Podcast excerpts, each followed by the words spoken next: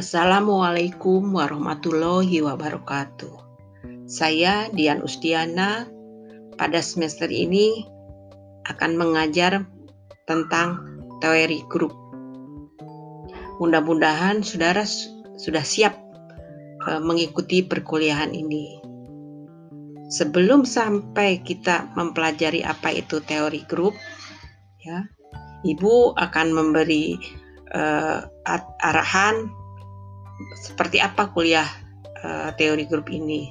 Yang pertama, bagaimana sih aturan perkuliahannya? Aturan perkuliahannya saudara wajib hadir minimal 80%. Yang kedua, ibu nanti akan upload materinya di pada UPI Edu. Silahkan saudara unduh eh, materi-materi itu.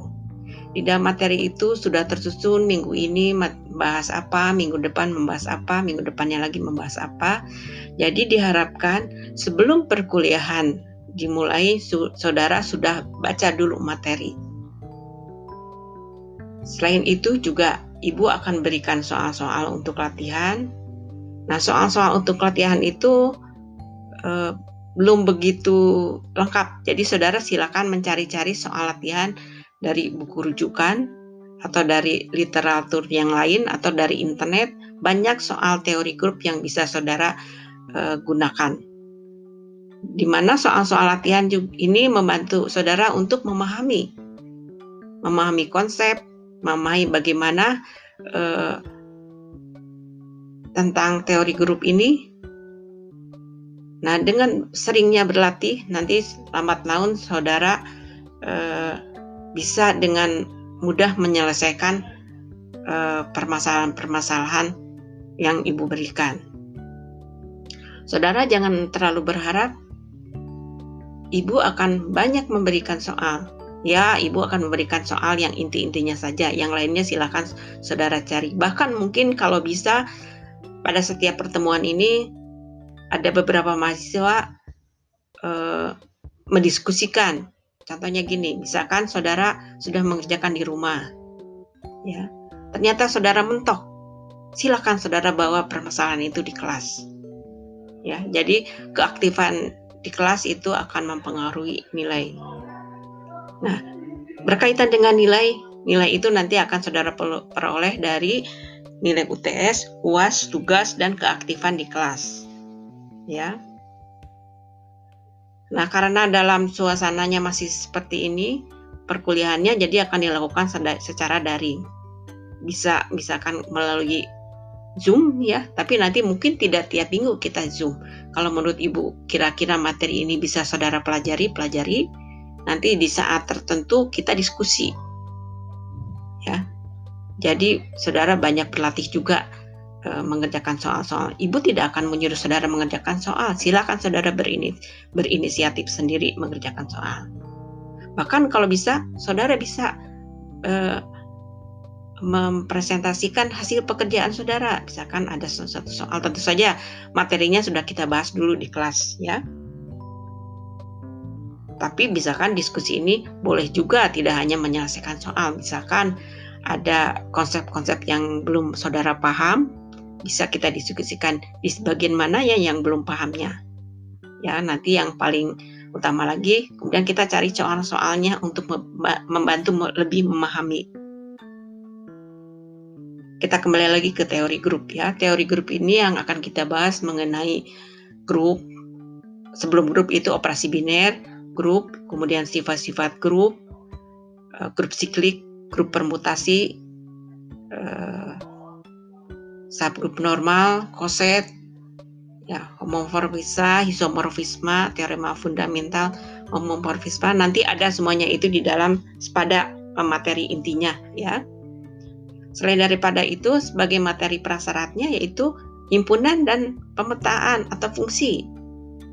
Saudara sudah pernah mendapat eh, himpunan dan pemetaan ketika saudara sekolah di tingkat SMP, SMA, Nah, nanti kita akan berkaitan juga dengan himpunan. Contoh himpunan, misalkan dalam matematika, himpunan bilangan bulat, himpunan bilangan asli, himpunan bilangan cacah. Di samping itu juga kan saudara uh, sudah uh, tahu tentang operasi operasi aritmetika ya.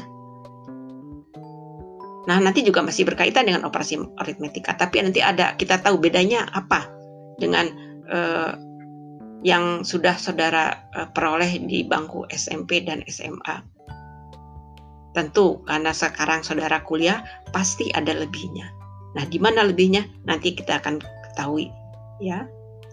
Nah, sebagai gambaran misalkan gini, kalau dulu kita belajar mengenai himpunan bilangan bulat dengan operasi penjumlahan, misalkan yang paling mudah kita ambil contohnya penjumlahan. Misalkan 2 tambah 3 hasilnya selalu 5. Nah nanti dalam teori genep ini tidak selalu demikian. Ada suatu operasi yang bisa kita definisikan sendiri. Tapi tentu saja eh, nanti ada syaratnya seperti apa operasinya. Nah ini operasinya dikatakan operasi biner Kemudian kita bisa definisikan biasanya operasi biner diberi simbol bintang atau nokta atau bulatan atau apalah boleh kita bisa sembarangan mendefinisikan. Contohnya misalkan 2 bintang 5 itu definisinya 2 kali 5 kurang 1 dikurangi 1 boleh.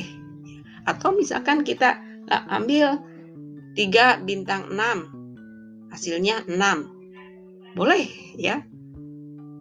Jadi bebas.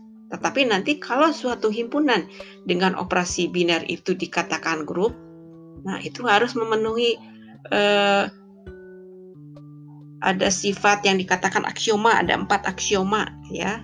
Nah nanti kita akan eh, minggu depan mungkin ya kita akan sampai ke grup dengan eh, syarat-syarat suatu himpunan dengan operasi biner dikatakan grup. Selain daripada itu, saudara pernah mengenal istilah asosiatif.